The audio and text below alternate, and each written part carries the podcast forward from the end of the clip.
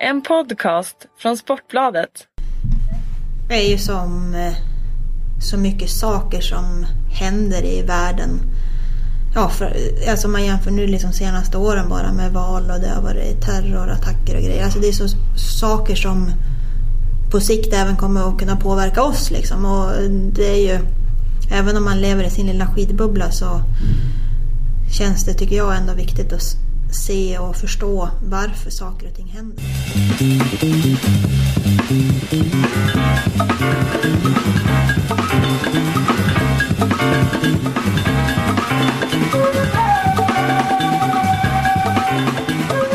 Ja, nu är det dags för VM i Falun och alla förberedelser ska vara gjorda. I alla fall när ni lyssnar på det här. Och eh, det är en stor skidfest på hemmaplan. Och hur åkarna kommer känna det i magen, det vet vi inte riktigt. Jag tror inte ens att du, rutinerade Ida Ingemarsdotter, har egentligen en eller kan veta riktigt inför hur det kommer kännas, eller? Jag tror det är väldigt svårt att föreställa sig för varje mästerskap brukar ha med sig en ny känsla i magen inför mästerskapet. Både vad gäller platsen man är på, publiken och så. så att, eh, jag ser väl mer att det ska bli väldigt roligt och att det ska dra igång och ja, att publikstödet är på topp. Ja, det kommer vara mycket norrmän och norska eh, skidfans där eh, och förhoppningsvis också mycket svenskar. Men, men eh, är det, påverkar det er att det är mycket andra nationer, framförallt från Norge då? De vill ju inte att ni ska vinna förstås. Eller är det bara kul? Ja, jag tycker det är väldigt roligt. Jag måste ju säga att den norska publiken är ju väldigt engagerad. Mm. Och Sen har de väl en, en viss mentalitet mot svenskar. Det har de väl alltid eftersom det finns det där storebror lillebror komplexet dyker väl in där. Men Eh, många gånger så tycker jag att de kan vara väldigt trevliga och väldigt glada och pusha på när man kommer i spåret medan de ibland, kanske framförallt om det går lite sämre för dem själva, kan byta ord, ordalag och bli lite mer hårda så att säga. Ja precis, jag tror att, om inte det var Petter Northug som var inne på det, att, att Marcus Hellner och Johan Olsson fick höra en del i Holmenkollen, eh, lite tuffa ord från, från sidan. Vad har du fått höra? Nej men man har, har väl hört lite sådana där saker någon gång när man typ har varit i Holmenkollen. Det är som man bara jag vill nästan rygga tillbaka lite så bara, oj då, vad, vad, vad, sa de nu? Men... Ja vad sa de? det får du berätta. Nej men det är väl lite sådär att man, ja, ja, man tycker att om man, om man tyckte att man åker sakta att man kanske ska stanna och äta en korv eller någonting istället. Och, eller stanna, stanna där hos dem eller ja, man är svensk och man kan inte åka skidor. Är det det ropar de det efter? De var svensk och kan inte gå på ski, eller vad säger de? Nej, det har väl varit lite olika. Det som, jag har som försökt förtränga det där. Jag vet första gången jag hörde något sånt där, då var det nästan så att jag började nästan bara skratta för mig själv. Men det är ju lite psykningar från publiken. Jo, och sen är det väl, har de väl, de har ju det här med Brink från Vallefjäm 03 har de ju. Och sen om du ser lite trött ut och så kan de ju alltid fråga om du har gjort en Brink. Oj, den är ju rätt fräck. Ja, men eh, de kan vara fräck ibland, norskarna. De kan vara lite småfräck i munnen när de får tillfälle, tror jag. Och svenska publiken är inte sådan? Nej, jo, det, det är ju Jag tror säkert att de kanske kan vara lite så mot andra nationer fast mm. de är absolut inte så mot oss svenskar utan då försöker de få oss att bara åka fortare. Ja, det är klart. Och det, ni hör inte vad de ropar till de andra. Men, men tror du att eh, Marit och Petter och Therese kan få höra ett annat ord från... från... Jag tror... Jag har som bilden av att längdpubliken i Sverige är ganska timida och inte så, ska jag säga, vulgära i sitt ordspråk.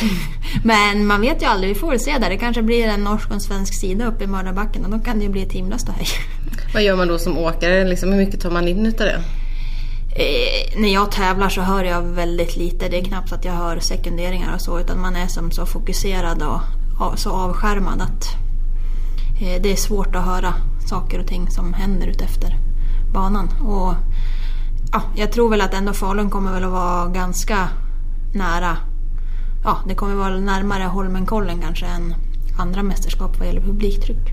Mm, Marit Björgen jag träffade henne före jul, hon sa att det blir ett minikollen trodde hon. Liksom, eh, ja. Just att eh, den får den känslan lite grann. Ja men det kan jag också tänka mig att det kan bli lite åt det hållet. Och ja, det är ju roligt. Jag måste säga att det, ju mer publik det är desto roligare är det faktiskt att åka.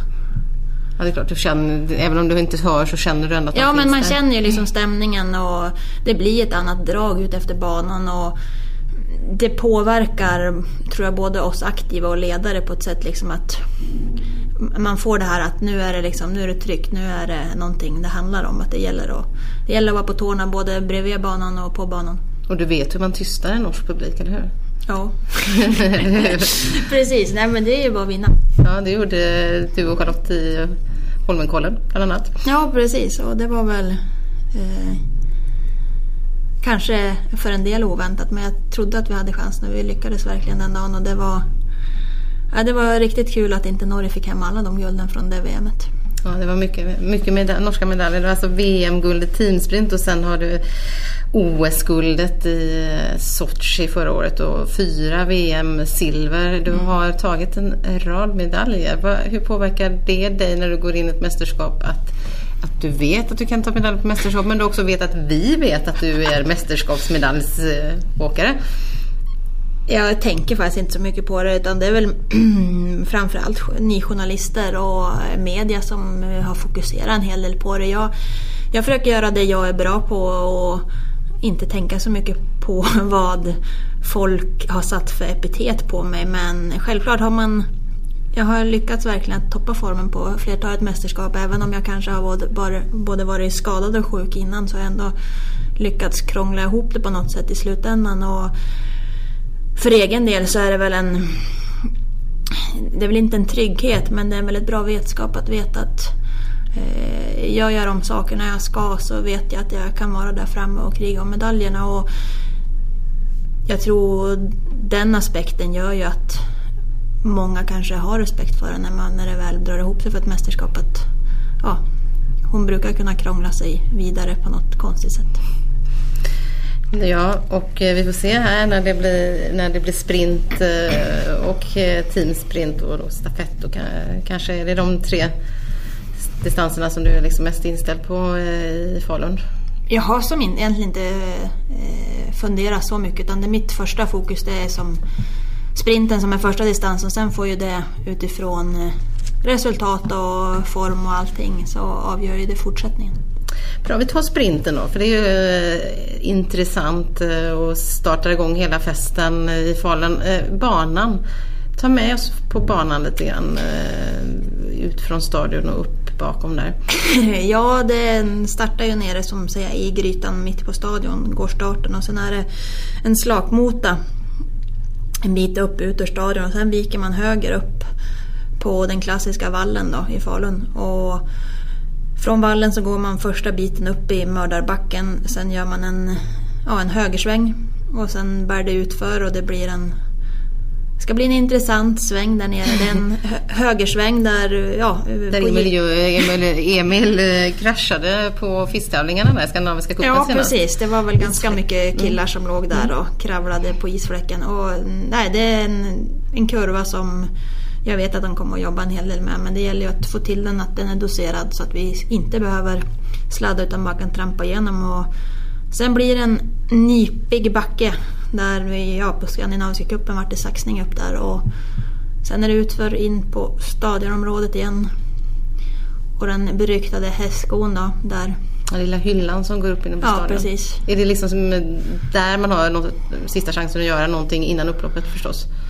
Tror- Det, det finns mycket att göra på upploppet, det gör det också. Men du ska ju inte vara en kilometer efter där, då är du rökt. En kilometer efter på sprint känns rätt långt efter då. har du- Ja, nej. Men... eh, Man ska vara med i leken där. Mm. För att du ska ha en chans in på upploppet. Den backen eh, upp på själva hästskon, eh, den ser ju inte så brant ut men det, det, det, det känns ändå som när jag såg dem på Skandinaviska cupen nu i januari att de, man, det, man kan, eh, kan gå ifrån där. Det finns ändå lite att trycka på. Ja, absolut. Det är ju som... Man kommer ändå med ganska bra fart nerför men samtidigt som såg vi då att beroende på vad du har för skidor och hur du kommer med farten så kan man ta backen på väldigt olika sätt. Mm. Och sen har du upploppet, eh, vad skulle du kategorisera in det? Långt, medellångt, eh, svårt, lätt, bra? Eh, det, är inte, det är inte extremt långt men samtidigt så vet jag inte om de skulle lägga mer snö. Om man ser hur det var på för-VM i våras så var det lite mer motlut än vad det var nu på Skankuppen. Och eh, det blir väl lite intressant att se hur de, om det blir lite mer motlut eller om det fortsätter. Det var ju ganska flackt som det var nu senast. Vill ha lite mer motlut så det finns de här sista met metrarna in mot mål där och slåss på. Ja, det går bra. Det går bra, ja. du tar det. Eh, om man tittar på dina konkurrenter där då, vilka eh, skulle du peka ut eh, med, med den vintern som har varit som dina, de främsta favoriterna på, på sprinten? Eh, ja, Norge kommer med ett starkt lag och eftersom Norge är regerande mästare får de ju ställa upp med fem stycken åkare. Så att, eh, eh, Norge ska vi ju inte räkna bort. Och, från svenskt håll så har ju Stina gjort det väldigt bra, både i klasses och skate. Så att eh, hon är nog den som får bära favoritskapet från svensk sida som det är just nu. Du bara kastar över det nu så, vet du det. Eller, nej, nej, men om man tittar på jag resultaten. tittar på resultat. Ja, ja. eh, sen ska man väl aldrig det har ju kanske varit i år mer än någonsin att det har varit liksom samma nation som har dominerat extremt mycket. Och vad det beror på, det kan ju vara flera saker. Att det, vi kommer från ett OS. Väldigt många nationer har fokuserat sjukt mycket mot det här OSet. Att det blir som en urladdning och att folk kanske inte har varit riktigt på samma på tå när den här säsongen drog igång. Men jag tror nog när det väl kommer till mästerskapet så tror jag att det kommer vara många fler. Och jag menar, det finns tyskor, det finns en polska som faktiskt har haft några glimrande stunder ändå den här säsongen. Och man ska... man inte vågar räkna bort i en klassisk sprint i alla fall. Nej, hon eh, har ju kunnat åka fort klassisk sprint så att eh, vi får se. Och det finns lite amerikanskor också som kanske inte har varit där de har varit tidigare år under säsongen. Så att, eh, men jag sätter nog ändå Norge som de som får bära den där favoritfanan. Och då har vi Marit Björgen men du har eh, Majken Kaspersen Falla, du har Ingvild Ingvild, du har eh, Celine. Celine också. Eh, jag vet att vi, tror jag det var inför OS, pratade lite grann om, inte trash talk, men hur man kan göra. Du sa någon gång där att Marit Björgen, om man ligger bakom henne så har du lite knep tror jag hur du kan Ja, men man har... Ropar du på henne eller vad var det du gör? Nej men man, har, man vet väl lite hur olika personer brukar mm. reagera beroende på hur man ligger bakom och hur de brukar göra runt svängar och sådana saker. Men... Vad gör Marit då? Hon kommer inte hinna lyssna på det här. Det ju, Nej men jag har väl, jag, jag vet väl att jag... Hon, hon är väldigt vad ska man säga, flink runt i skarpa svängar och så. Att göra lite har jag sett någon gång att hon kan nästan bromsa in lite innan så trycker hon på väldigt och då blir det att då ligger du för tajt bakom så blir det att du måste bromsa in för att hon sticker iväg. Och det finns många som brukar vara duktiga på att göra sådana saker runt svängar. Så då kan man lägga sig lite, kliva ut lite så man kommer runt henne på utsidan istället va? Ja, eller att man är uppmärksam på mm. vad hon tänker göra i nästa schackdrag så att säga. Precis. Tror, är det medvetet det? Att hon bromsar in för liksom, det är som en bilkö liksom. Han bromsar in lite sen gasar Nej det vet jag inte men det kan, kan ju vara bara ett sätt så som man brukar göra i svängar. Och mm. Det är väl, jag tror det, sådana här saker är nog inte saker som folk tänker på utan man, man gör det per automatik vissa saker. Och, hur mycket studerar du motståndarna på, på video eller gör du det för att se? Liksom, man tittar ju på tävlingarna som när man har varit iväg och tävlat så brukar jag väl kolla igenom loppen och se vad som händer och var det händer och hur det händer. Och där kan du se upprepande mönster hos vissa åkare? Ja. Vad gör Justina Kowalczyk då? Oj, äh, Justina har jag väl inte något direkt på som jag tänkt på år men mm, man vet ju eh, sen tidigare år att är hon i slag så då är det ju 110 från att startskottet går. Och hon är ju extremt duktig på att springa uppför alltså och verkligen bara kunna rusa på ett speciellt sätt. När ni står där i startfållan så är det ju lite som ett 100 meters friidrottslopp. Liksom man, man räknar ner och det går ett startskott. Hur, hur pågår det någon form av, liksom, sneglar man på varandra och ger lite boxarblick eller inga sådana knep? Nej, det är nog ganska Eh, jag är väl för egen del väldigt fokuserad så jag brukar väl inte fundera så mycket på vad de andra gör. Men det blir ju som där när man går in mellan de här två det brukar ju vara såna här skyltar som står, då är det som att man går ju som in i sin lilla egna box. Och sen blir det väl att man, man slänger väl alltid ett öga och ser var, var, vilka man har och hur de ser ut. Det är ju som man... Men inte arga blicken liksom? Nej, det brukar inte vara arga leken direkt i startlinjen. det hade varit ett, kanske en bra knep, kanske funkar på någon, man vet inte. Ja, jo, man kan, man kan säkert om man vill, kan man säkert psyka någon om man skulle vilja göra det. Men jag tycker det brukar vara bättre att försöka fokusera på att värma upp och göra, försöka göra bra jobb under loppet istället. Ja. Har du sett något eh, mönster hos dig själv när du tittar efterhand som du inte liksom tänker på när du åker? Mm. Ja, det är väl lite så här både och. kan väl se ganska tydligt på min åkning hur, i vilken form jag är och liksom se det på aktionen och vilka, ja, men vilka ryggar jag väljer och hur, hur jag gör vägval så att säga. Är det någonting som du tar med och lär dig utav? Absolut, absolut. Det är ju som... Det är ju en självklarhet att man måste, man måste kunna kritiskt titta på sig själv också för att kunna bli bättre. Det är ju, även om man vet att man gör saker bra så kan man alltid försöka göra dem ännu bättre. Om man ser stort till bar, bar, själva banan och förutsättningar på den i Falun, hur väl passar den Ida Ingmarsdotter? Ja, jag tycker den påminner en hel del om Vallefjärnbanan och den funkade ju ganska bra. Mm. Så att eh, jag tycker den är helt okej. Okay. Har ni varit med och påverkat själva banprofilen där? Det är ju faktiskt Emil Jönssons bror som är ansvarig för sprintbanan. Sen har du ju Wasper, Thomas Wasper, han har ju ätit lunch här på undervåningen bredvid som är banchef. Hur mycket liksom, mutar honom för att det ska vara Ida, bra Ida-bana? Nej, det har väl inte gått så långt. Vi, har vi diskuterar lite ja. mer bara hur hur man, som jag upplevde tävlingarna i januari som var där och lite vad han har för idéer och tankar och vad de har tänkt jobba med. Och, eh, det är ju inte så... Det är ju som eh, FAL-organisationen som har gjort banan och sen har de fått inputs och så. Och det finns ju vissa regler som FIS har satt upp hur banan ska se ut. Så att, eh, eh det är väl som alltid när det är mästerskap så det gäller att gilla läget och försöka anpassa sin åkning till vad som bjuds. Men jag tycker väl att det har blivit bättre och bättre på banorna i Falun mot från första gången vi var där och åkte.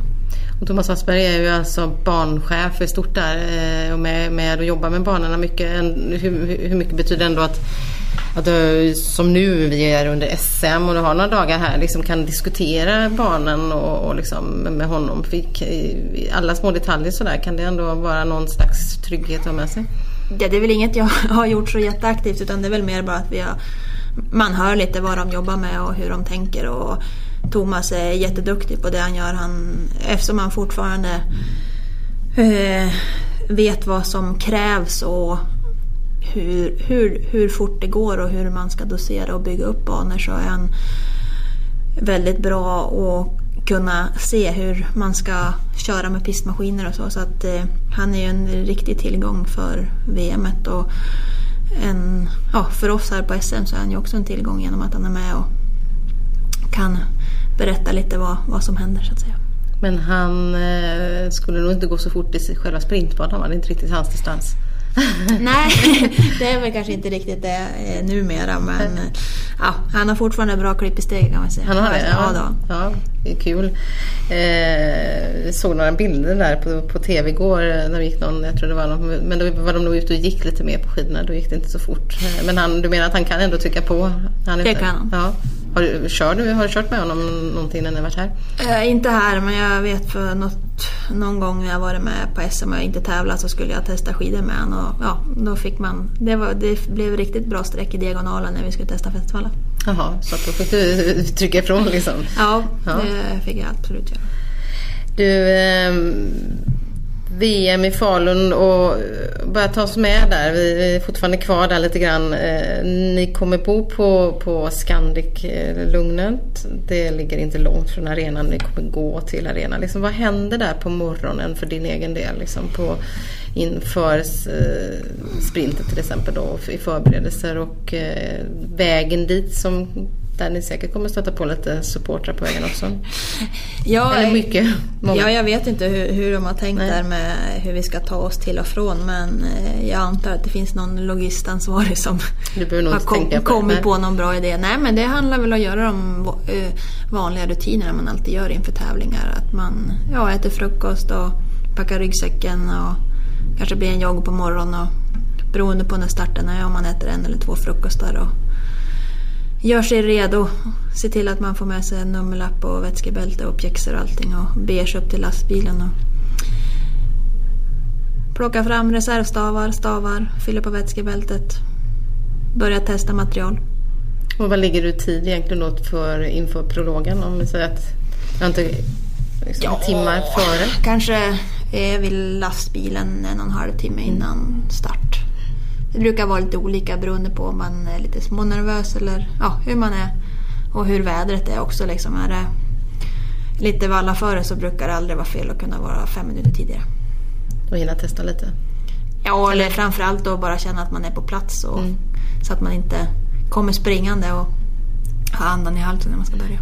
Sen är det en prolog och sen är det väntetid eh, och sen eh, börjar liksom slutspelsheaten om man kan, om man kan använda sådana uttryck. Men Mm. finalheaten då. Eh, Och ganska kort emellan, liksom kvartssemi och final går ju ett där. Hur, Ja. eh, vad, vad gör du emellan då? Men dels sitter, Emil Jönsson sitter ju ofta och cyklar inne någonstans. Eh, Vilka knep har du? Nej, jag försöker väl oftast jogga ur benen och få lite massage och sen gäller det att stoppa i sig lite energi. Mm. Och ja, tagga till eller lugna ner sig beroende på hur det går. Och fortsätta en diskussion med min vallare hur liksom materialet är och eventuellt att det blir mer tester in, in mot kvartsfinalerna så att säga. Precis, och ni har alla en personlig vallare. Eh, Du har haft samma i flera år eller har du bytt? Nej? Nej, jag har haft samma ända sedan ja, OS i Vancouver den säsongen.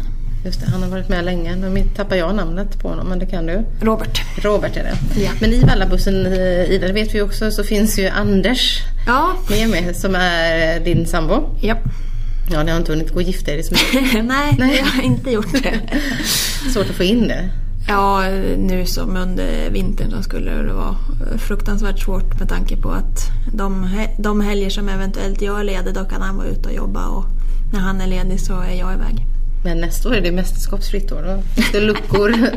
Ja, vi, vi får se. Vi, vi får fråga han om den. Jag får fråga honom. Ja. Han får nog fråga dig och sen så Ja, får vi precis. komma i andra hand känns, det, som, känns det som. en ärlig.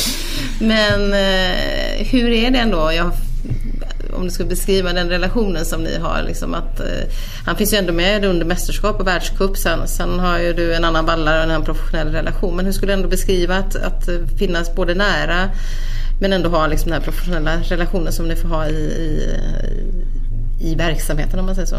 Ja, nej men alltså det blir ju väldigt... Mm, egentligen från att man lämnar hemmet och man har satt på sig förbundskläderna så blir det ju professionellt men samtidigt så har man ju oftast möjlighet att träffas ja, kanske 5-10 minuter lite då och då på någon kväll när de har kommit tillbaka. Men det, så det är ju som inte speciellt mycket tid man har tillsammans som många kanske tror att ja men du är med han hela tiden. Bara, ja men han jobbar ju och de har ju ett annat dygnsrytm oftast än vad vi aktiva har också. Så att eh, det är väl lite korta stunder man kan få. Annars är det bara att man får in och heja och typ fråga de här vardagliga frågorna. Hur mår du? Går det? Och, ja. Det är väl de sakerna som man får ta liksom på stående fot när man kommer till lastbilarna. Så. Men jag tycker ändå det funkar bra. Vi känner varandra så pass väl och kan läsa av varandra. Så att det, man eh, har väl också att man båda två, både jag och Anders, att när vi är ute att nu gör vi ett jobb och det är det som är prio ett. Och jag tror det är viktigt att kunna, ska jag säga, byta roll så att säga. Både, både för våran relation och för, ja, för min prestation och för hans jobb så att säga. Att man kan, ja nu måste jag jobba eller nu ska du träna och att man ha, har de, den disciplinen att man kan göra det. Är det, hade det fungerat att ha honom som personlig vallare eller hade det inte varit bra ifall det kan ju vara toppenskidor då men det kan ju också vara att, att det inte fungerar lika bra. Det är väl lite både och det där kan jag tänka mig att eh, han vallar ju som mig oftast när jag tävlar andra tävlingar som hemma i Sverige och så men jag tror nog att det ändå är bra både för han och för mig. För jag menar, har jag dåliga skidor på en världscuptävling så får ju han ändå höra det. det är ju så. och, Ja. eh, jag tror att jag tycker ändå det är bra för att man får skilja lite på det privata och, och ja, sitt idrottande. Det, jag tror det kan tära ganska mycket på relationen om man blandar ihop allting. Om man vänder på det så är det ändå ett skönt stöd. För det kan finnas stunder där man mm, liksom behöver mer någon som känner en väldigt väl nära liksom, när man är ute. För det är, satt under liksom en prestationspress ändå under ett mästerskap. Absolut, absolut. Det är det. Och, ja, det är ju som, man vet ju att ibland kan man ju kräva att stopp, nu vill jag faktiskt ha fem minuter med dig och jag behöver prata eller jag har funderat över det här. Så att absolut är det så. Och det är ju det är en fördel att man har varandra ändå nära och in, inom man säger samma, samma organisation på så sätt. Då. Men det är ju ändå två olika världar om man jämför med att vara hemma eller att vara på jobbet så att säga. Eh, Och du behöver inte gå upp lika tidigt som han behöver gå upp va? Nej, verkligen inte. Jag vet inte när men de går upp jättetidigt ofta. Ja, Och jobbar oftast är det sent ju, också. Ja, precis. Att det är som, man, jag bor ju alltid med övriga aktiva Mm. utan de bor ju som för sig. Och jag skulle, visst ibland kanske man skulle vilja dela hotellrum men samtidigt så vet man att det skulle störa min uppladdning alldeles för mycket. Men han, och, och kanske hans också? Ja, jo det är absolut. Och han, han Ja, du menar att han, när han går tidigt och så, att det Ja. skulle liksom påverka? Det är Ja. klart, hade inte fått det. Nu bor ni med, nu bor ni med, ni delar rum. Kommer ni göra det under VM också tror du? Aktiva? Ja. Ingen aning. Det får du fråga någon sån där ansvarig om. Annars är det många, många hotellnätter där ni delar, delar rum. Men, eh, Mm. Ja men gud ja. ja, men det har du hunnit vänja dig vid. Du är Ja. snart 30 år så har du på hålla på några år. Jo, nej, men man har väl bott eh, dela rum med de flesta i laget. Och det går oftast bra. Man, vi som har varit med länge som får bo tillsammans, vi, vi vet ju verkligen varandras rutiner och vem som är morgonpigg och vem som packar väskan och vem som läser. Och, ja, man känner varandra väldigt bra. Det är ju, det är ju en trygghet och ganska skönt att man vet att de personer man, ja, man har koll på vad de har för rutiner så att man inte behöver fråga ah, när ska du gå upp utan man vet oftast vad personen har för. Vem är morgonpiggast i gänget då? Tjejerna? Ja, det varierar nog lite tror jag men eh, Stina tillhör nog en av dem som tycker om att gå upp i ottan. Vem är slarven då? Är det någon som, som alltid glömmer saker överallt? Nej, det är väl lite så här, brukar väl vara lite lite blandat. Det fin- det är lite, man märker väl ibland när folk har mycket så kan det vara lite tankspritt på många håll. Ja, du glömmer av saker. ungefär. Ja precis, Ja. att det står en mössa eller ett vätskebälte eller en väst eller något sådär. Men ja, Om man frågar Anna Haag så tror jag hon säger att du är landslagets Wikipedia. Vi går till Ida när vi behöver ha det som uppslagsverk. Eh, Men det är väl ganska smickrande. ja jo det är väl inte helt fel. Att ha det epitetet heller. Nej. Vad kommer det sig att du har det breda liksom, allmänintresset? Jag tror jag alltid har haft det. Eller, och hemifrån att har vi väl vid middagsborden alltid suttit och diskuterat vad som har hänt i världen och nyheter och, och så.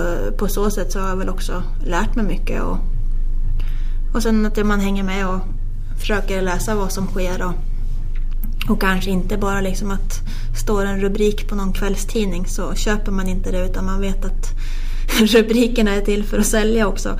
Så man kanske läser både en och två artiklar om, om det innan man börjar bilda sin uppfattning.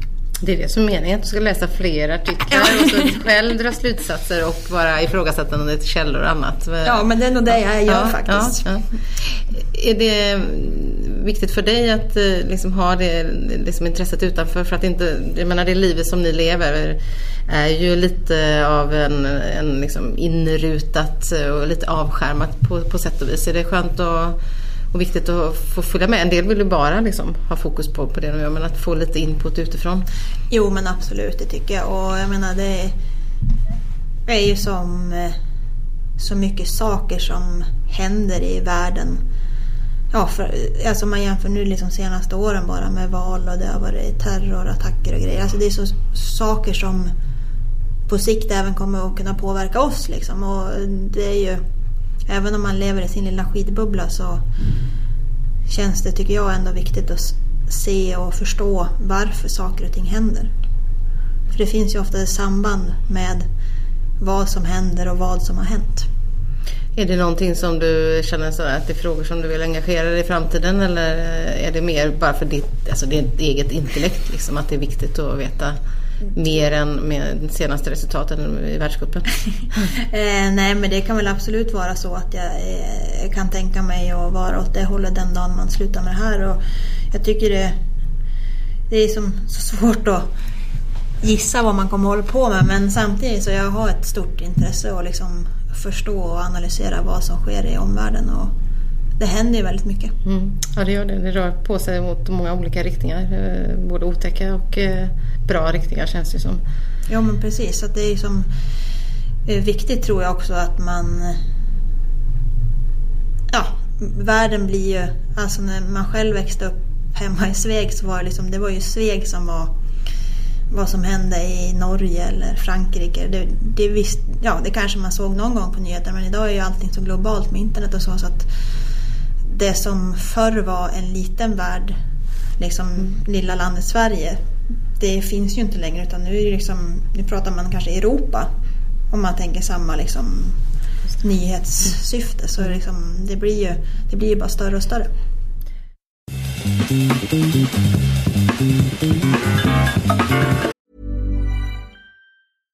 Hey, I'm Ryan Reynolds. At Mint Mobile, we like to do the opposite of what Big Wireless does. They charge you a lot, we charge you a little. So naturally, when they announced they'd be raising their prices due to inflation, we decided to deflate our prices due to not hating you.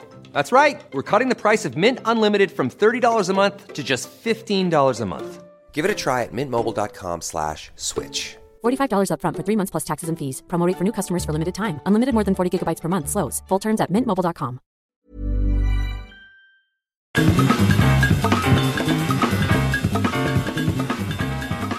Sveg då, beskriv uppväxten i Sveg. Du var en dansbrud, eller hur? Ja, jo, det var ja.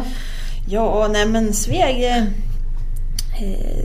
det kommer för alltid att vara hemma och det är en liten ort. Men ändå lagom stor. Eh, det var väldigt tryggt. Man fick verkligen vara ute och pyssla på med sina upptåg och hitta på saker och springa mellan gårdar. Och, ja, det brukar vara vad vi hade den delen av Sveg, det var att när man hörde en busvissling var det dags att komma hem och äta middag. Ja, det, var det mamma då eller Ja, pappa, det var eller? någon utav, vi, vi var ett gäng ungar mm. där och det var någon förälder som brukar busvissla. När vi hörde det då brukar det vara tecken på att vi ska börja dra oss hemåt. Det gjorde min mamma alltid på, på när vi bodde i lägenhet. Hon också busvisslas. Ja. Alla stannade upp, då visste man direkt. Och då fick man komma. Då gäller det att... Ja, då, då var det dags, ja, då var det dags. dags att bege sig hemåt. Nej men jag tycker som... Det fanns verkligen möjligheter att hålla på med idrott på alla former och plan. Man kunde spontant spela bandy på, på gatan eller spela tennis eller badminton. Och liksom väldigt mycket idrott fanns ju för min del väldigt tidigt inne. Och, men samtidigt så var det nog framförallt en väldigt trygg uppväxt. Att man hade, man hade friheten och kunde springa över till grannen och ha de satt åt, ja då satte man sig åt också. Och, ja, det var öppna dörrar. Är det så du hoppas att liksom, eh, era eventuella barn får ha det i framtiden? Liksom, den, den tryggheten trots att det är en liten oroligare värld? Ja men absolut. Jag tror det... Hur ska jag säga? Jag tror det ger trygga personer. Mm. Att man, man har fått taget, man vet att ja, men du får gå dit men du får inte gå dit bort. Att man, man lär sig att det finns regler man ska följa men, och följer jag dem då får jag mer tilltro och större friheter. Jag tror det är viktigt och samtidigt det här att man ja, vågar lita på, på barn också. Att man inte ja, när man själv växte upp fanns det inga mobiltelefoner och så. Det hände väl någon gång att föräldrarna var oroliga att man var ute på något upptåg och hittade på någonting i skogen eller någonting. Men ja, själv var man ju aldrig orolig så. Nej, det kan nästan vara så att det blir lite mer oro för att man har så himla koll nu liksom och vill ha koll hela tiden på, på vad de är. Ja, Ja. precis. Nej, men så Måste att, våga ge förtroende kanske. Ja. nej, men jag tror, tror väl det är viktigt både och. Liksom det här att eh, får man förtroende så växer man som människa också. Eh, Men dansen kan, jag inte, kan vi inte släppa bara sådär. För det, för det var ett stort engagemang. Ja, Ni var ju ute och turnerade med... Ja. ja. Berätta, vad dansade du? Vad jag dan- vi dansade? Ja, vi dansade faktiskt eh, allt möjligt. Från, ja, men från hiphop till eh, folkdans och lite afrikanskt och allt möjligt. Så att, eh, det var väldigt roligt. Vi var väl en var ju flera grupper, det fanns ju äldre grupper också. Men min den grupp jag var i så är det ju som...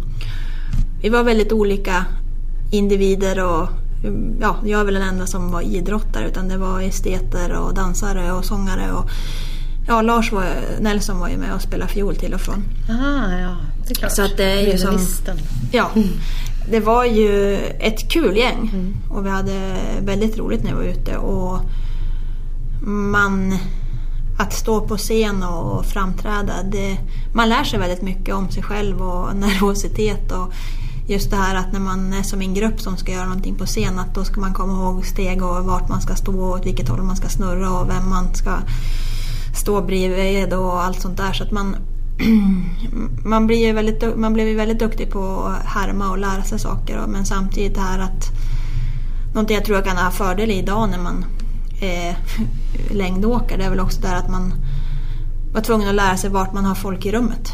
För att ja, snurrar du så kan du inte snurra in i någon utan du måste ju veta vart den är på väg och vart du själv är på väg. Och det är väl någonting som är väldigt bra att kunna ha lite de takterna när man typ kör sprint och man är sex personer på, på banan. Ja, då plockar du med dig den erfarenheten därifrån. Är du rytmisk? Nej, jag är väl inte superrytmisk men jag tror ändå ganska bra. Ja. Jag kan ändå hålla takten. Du kan hålla Ja, jag kan fördel när man dansar. Men, Ja. men eh, vad, vilka danser var det som du var bäst på då? Oj, nej men jag tyckte väl många gånger att eh, folkdans var eh, kul och vi pratade väl väldigt sällan om folkdans. Det var väl som när man var ute mer när man var på de här festivalerna och det var från olika, olika delar av Sverige så var väl vi lite vi var väl lite annorlunda. Att vi, vi körde som våra stuk. Vi kunde köra traditionell polska till liksom hårdrocksmusik och bara liksom skapa någonting eget. Och jag eh, har väl fortfarande ett stort...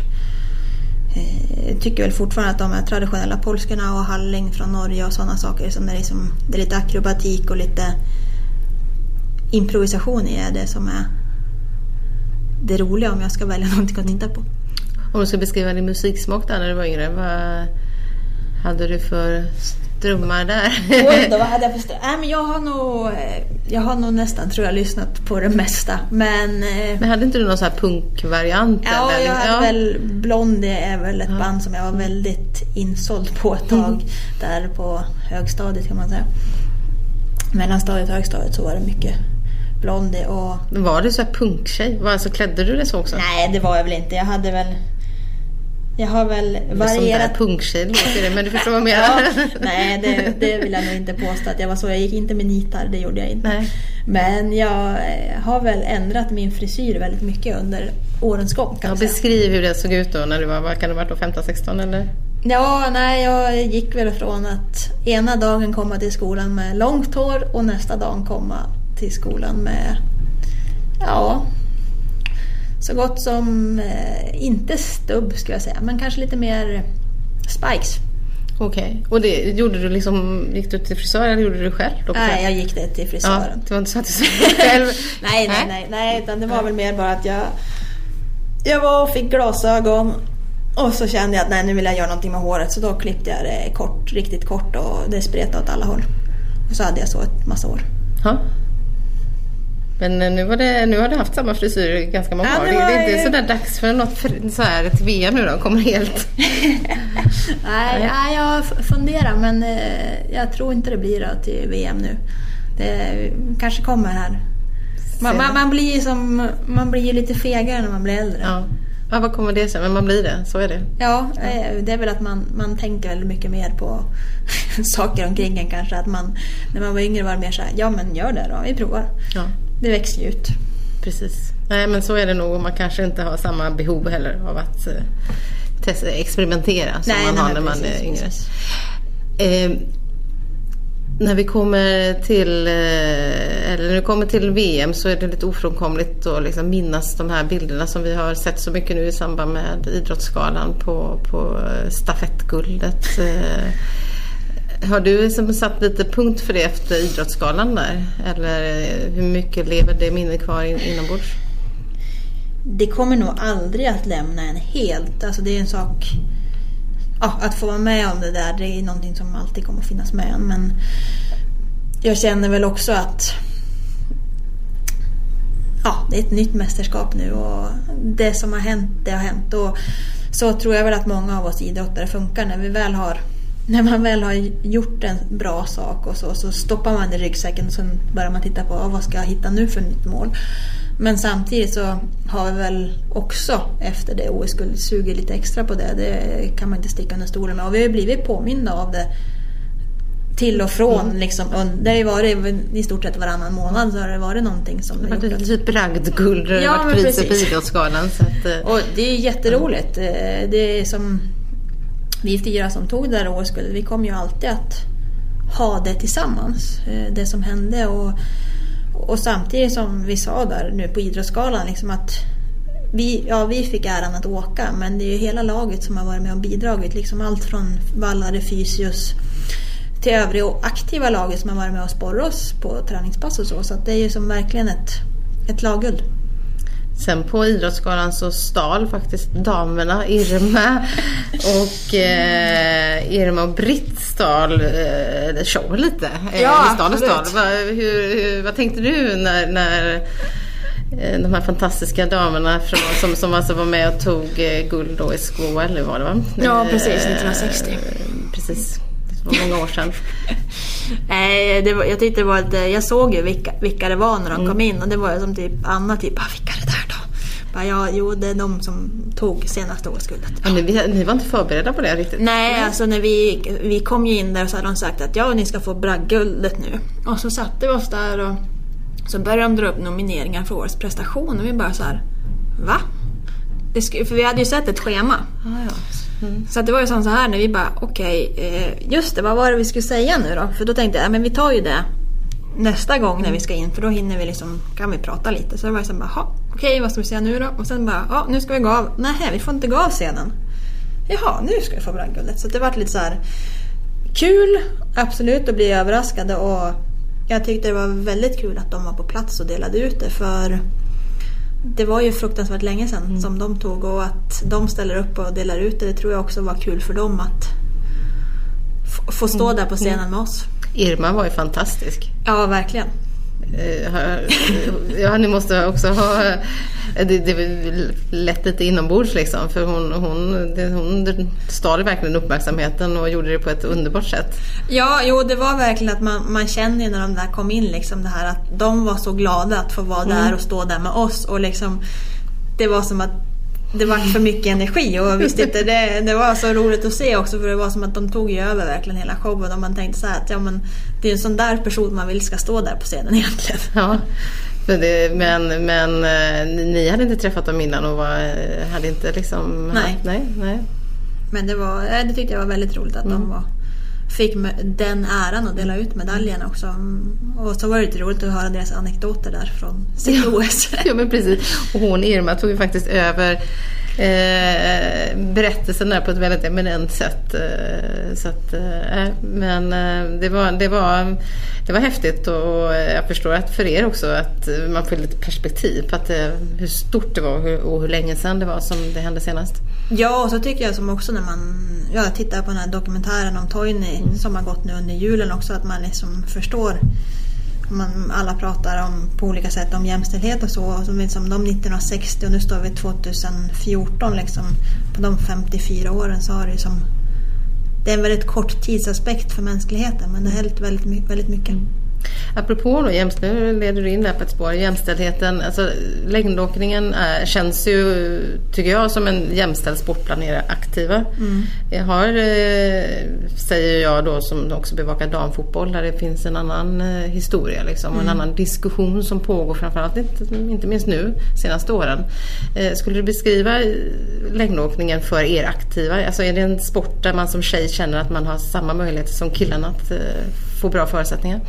I Sverige absolut. Mm. Eh, jag tycker ju att om man tänker då från deras 1960 fram till idag så då var det ju ganska stor skillnad på liksom de stora herrarna, alltså legenderna som vi har mm. haft genom skidhistorien. Och, och idag så är det som oavsett om du är tjej eller kille så kan du bli bäst i världen och du får samma förutsättningar. Och det tycker jag att det ska ju Svenska skidförbundet vara väldigt stolt över att, vi, att de kan, kan leverera de förutsättningarna till oss aktiva. För det, det är ju ändå att det är ju vi aktiva som gör jobbet och det är vi som visar vi att oavsett om det är tjej eller kille kan bli bäst i världen, då har vi ju lyckats.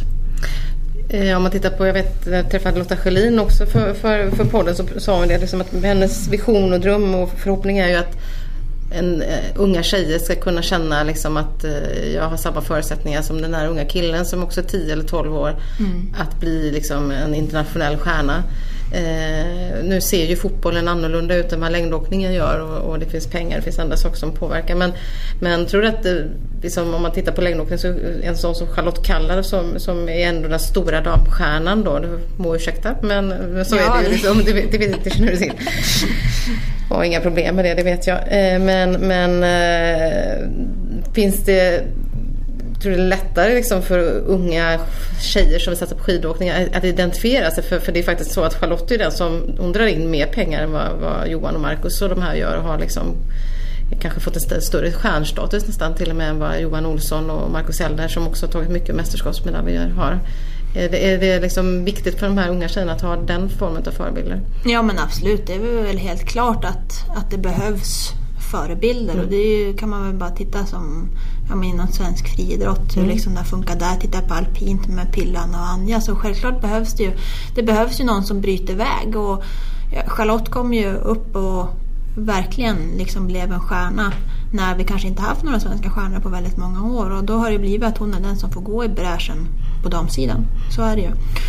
Och jag tror det är väldigt svårt att jämföra olika idrotter. Att man ska ja, för hur man ser på ledarbitar och så. Men jag tycker att förbundet när de ger oss, vi får lika mycket träningsbidrag, vi får lika mycket stöd, så är det det absolut viktigaste. För får man som aktiv samma förutsättningar, då har man samma möjligheter att växa. Så samma pengar får ni, alltså samma eh, tränings eller åkarbidrag ja. och samma eh, ersättning om ni vinner mästerskapsmedaljer och sådär. Så där mm. är det ju då väldigt jämställt. Liksom. Ja, och, men samtidigt läger. så är det ju mm. Eh, tycker jag att prestationerna är ju lika mycket värda mm. så att oavsett om du är kille eller tjej så ska du ha samma förutsättningar.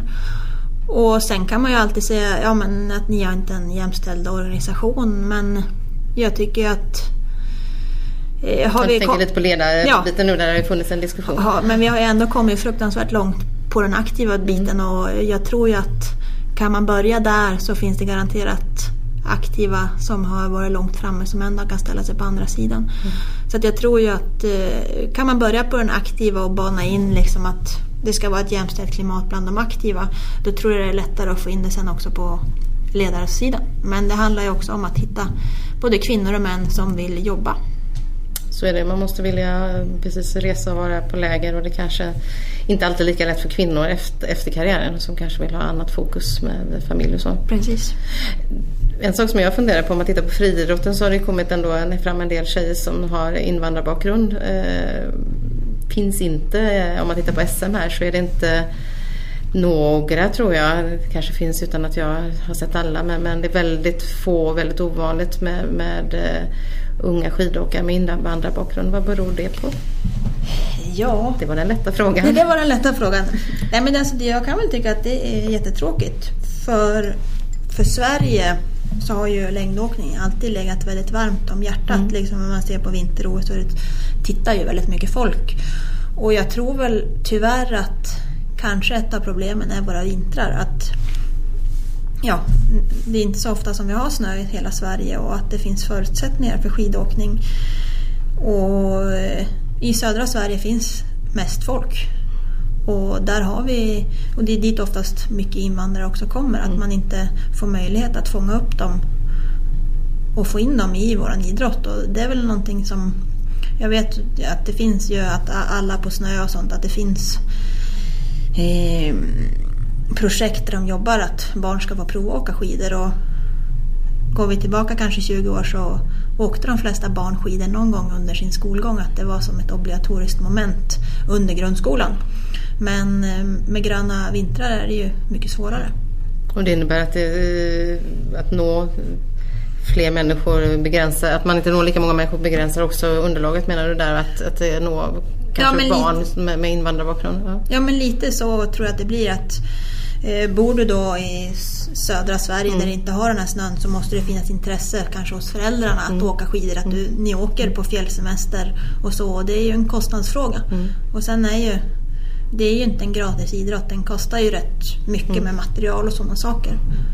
Och jag, jag, tror väl att det är viktigt att försöka eh, få alla att liksom få så många som möjligt att prova att åka skidor. Sen om man fastnar för det eller inte, det är ju, det är ju väldigt olika. Men jag tror att just att prova på och eh, stå på skidor både på längden och tvären kan ge, ge väldigt mycket för all, alla människor. Och samtidigt ska vi komma ihåg att i många länder som invandrare kommer ifrån så kanske man inte har heller skidåkningen eller vinter på samma sätt som vi har här uppe i Norden.